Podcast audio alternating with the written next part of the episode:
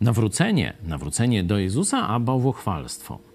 Czy wiara osobista, wiara w żywego, prawdziwego Jezusa Chrystusa, ta wiara, która daje zbawienie, mówi się o nowym narodzeniu, zaproszeniem, zaproszeniu Jezusa do swojego życia, e, czy ona ma jakiś związek z bałwochwalstwem? Czy ona skutkuje jakimiś zmianami w życiu religijnym, w życiu kościelnym, mówiąc tak już językiem polskim dla tego człowieka?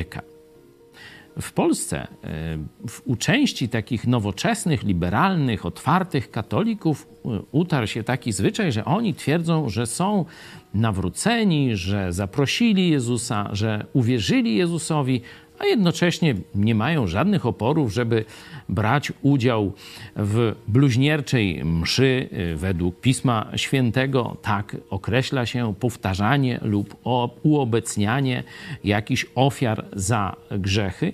Nie mają żadnego problemu, żeby uczestniczyć w jakichś modlitwach różańcowych czy pielgrzymkach na Jasną Górę. A jednocześnie podkreślają, że są biblijnymi chrześcijanami i wierzą dokładnie tak samo w Jezusa, jak my protestanci.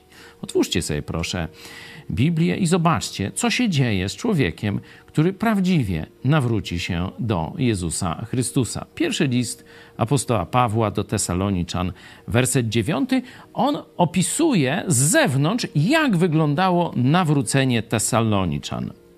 Bo oni sami opowiadają o nas, jakiego to u was doznaliśmy przyjęcia. I uwaga, jak nawróciliście się od bałwanów do Boga żywego, aby służyć Bogu żywemu i prawdziwemu. Nawrócenie do Jezusa oznacza odwrócenie się od bałwanów, odwrócenie się od bałwochwalstwa, bluźnierstwa. Jeśli tkwisz w tym, a jednocześnie mówisz, że jesteś uczniem Jezusa Chrystusa, to kto kłamie, ty czy Słowo Boże?